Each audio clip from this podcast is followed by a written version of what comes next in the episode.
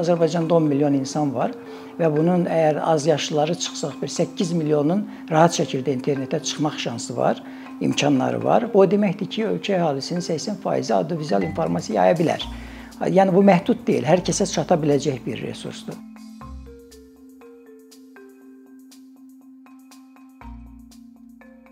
Bu gün e, əsas bizim e, müzakirə etdiyimi, etmək istədiyimiz məsələ internet televiziyaları lisenziyalaşmalıdırmı sualıdır.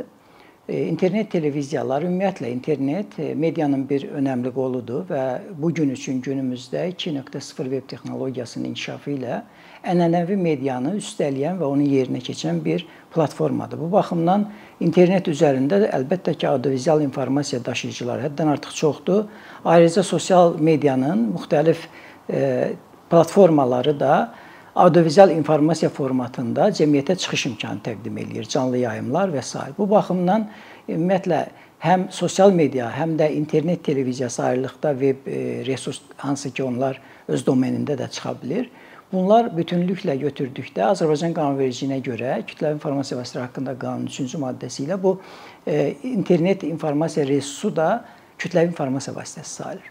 Bu baxımdan internet televiziya ifadəsi ənənəvi televiziyadan fərqli olaraq sadəcə platformalar internet üzərində yayılan, lakin heç bir milli tezlik resursundan istifadə etməyən, heç bir xüsusi ötürücü qurğu vasitələrindən istifadə etməyən bir yayım formatıdır. Bu baxımdan ənənəvi olaraq teleradio yayım, teleradio yayım haqqında qanunvericilikdə müəyyən olunan televiziya və radio yayım formatından ciddi fərqlənir. Çünki televiziya və radio yayımı həm e, milli tezlik resurslarından istifadə etməklə, həm də xüsusi ötürücü texniki qurğular vasitəsilə ötürülən yayım formatıdır və tək tərəflidir. Tək yayıcı tərəf var, qarşı tərəfdə yalnız dinləyici və yaxud da baxan seyirci tərəflər var.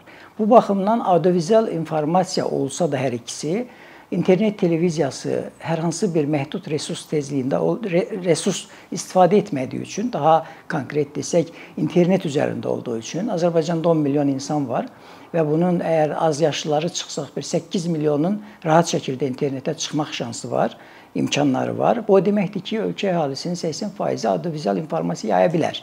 Yəni bu məhdud deyil, hər kəsə çata biləcək bir resursdur.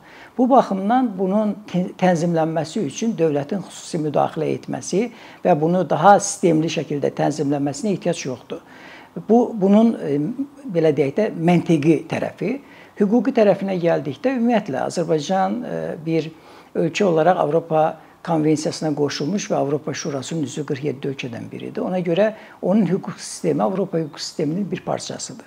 Yəni biz istər konstitusiyamız, istər ondan doğan qanunlar, istər qoşulduğumuz konvensiyalar mahiyyət etibarilə bəlli bir sistemin, Avropa sisteminin bir parçasıdır. Bu baxımdan biz istənilən halda bu yayım məsələsi elə bir məsələdir ki, bu ifadə azadlığına birbaşa bağlı məsələdir. İfadə azadlığı isə fundamental insan hüquqları kimi Avropa İnsan Hüquqları Konvensiyasının 10-cu maddəsi ilə tənzimlənir və 10-cu maddənin ikinci hissəsi dövlətin nə zaman ifadə azadlığını tənzimləyə biləcəyinin çərçivəsi müəyyən edir.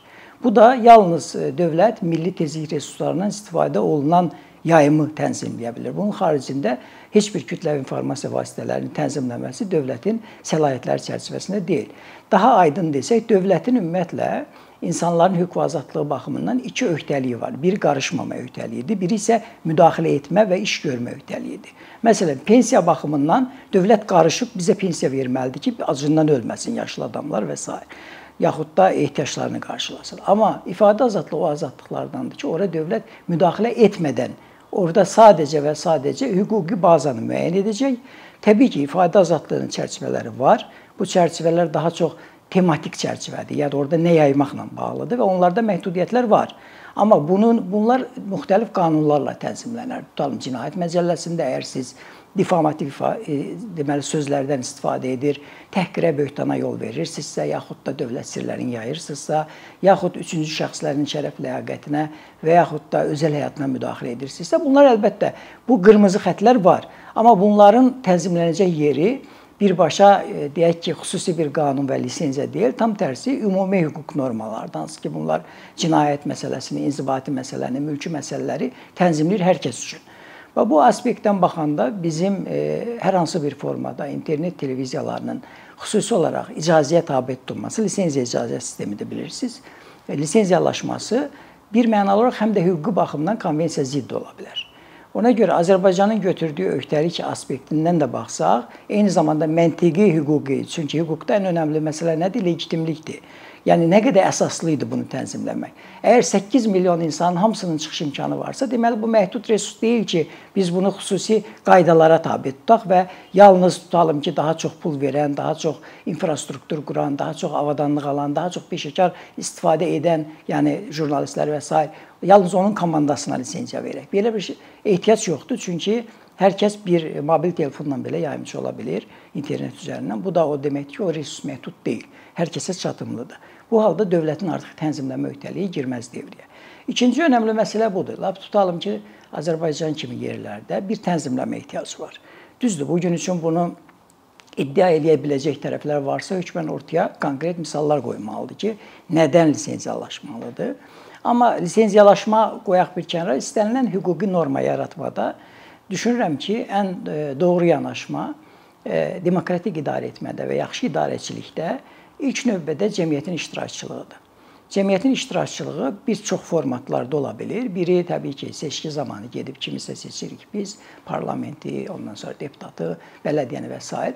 Bunlar ümumi e, seçmə hüququ çərçivəsində, seçilmə hüququ çərçivəsində olandır. Bir də var dövlətin idarə etməsində müntəzəm olaraq iştirak etmə hüququdur. Bunlar çox aktiv və passiv ola bilər əlbəttə. Bizim bu aspektdən ən önəmli iştirakçılığımız cəmiyyət olaraq bəlli sferalar tənzimlənən zaman hökmən o sferada mövcud olan hansı ki o tənzimləməyə tabe tutulacaq media qurumlarıdır, tutalım, vətəndaş cəmiyyəti qurumlarıdır, digər e, hansısa blogerlərdir və s. bunların da dinlənilməsi və o tənzimlənəcək normaların onların iştirakı ilə formalaşması zəruridir. Bu baxımdan bu gün üçün məsələn son bir həftədə, 10 gündə müzakirə olunur ki, belə bir qanun layihəsi var. Mən e, var ona görə demirəm ki, bu layihənin hələ ortaya çıxdığı versiyanı biz görmürük. Halbuki informasiya əldə etmə haqqında qanuna görə əgər belə bir layihə varsa, hazır olduğu günün növbəti günü o internet resursuna yerləşdirilməlidir həmin qurumların. Bəli, bununla bağlı 12 yanvar 2021-ci ildə prezident sərəncam imzaladı və media publik hüquqi şəxsin yaratdı. Ona da 2 ay vaxt vermişdi qanun layihəsi hazırlama. 2 ay vaxt mart ayında bitib, amma aradan ondan sonra da 3 ay keçibdi. Hələlik bununla bağlı rəsmi təqdim olunan layihə yoxdur. Amma mən arzu edərdim ki, bu tip e, layihələr hazırlayan rəsmi tərəflər hökmən vətəndaş cəmiyyətinin iştirakçılığı ilə bu tip layihələri müzakirə eləsin, xüsusən medianın, media sferasının, onun blogerlərinin və bunu həm də media ekspertlərinin təbii ki, hətta lazımdırsa, lazımdır bu, mən düşünürəm ki, ehtiyacdır da bunu e, beynəlxalq ekspertiziyada göndərsin. Məsələn, Venesiya komissiyası bu məsələdə çox aktiv hökumətlə əməkdaşlıq edib daha öncələr. İndi də buna ehtiyac var. Ayrıca ATƏT-in e, Viyana ofisi, media ofisi də bilavasitə bu məsələlərlə spesifik olaraq ixtisaslaşmış şəkildə məşğul olur.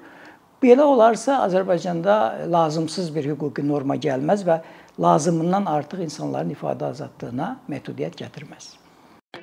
Əkinçinin yeni videolar haqqında məlumatlı olmaq üçün kanalımıza abunə olmağı və xəbərdarlıq funksiyasını aktivləşdirməyi unutmayın.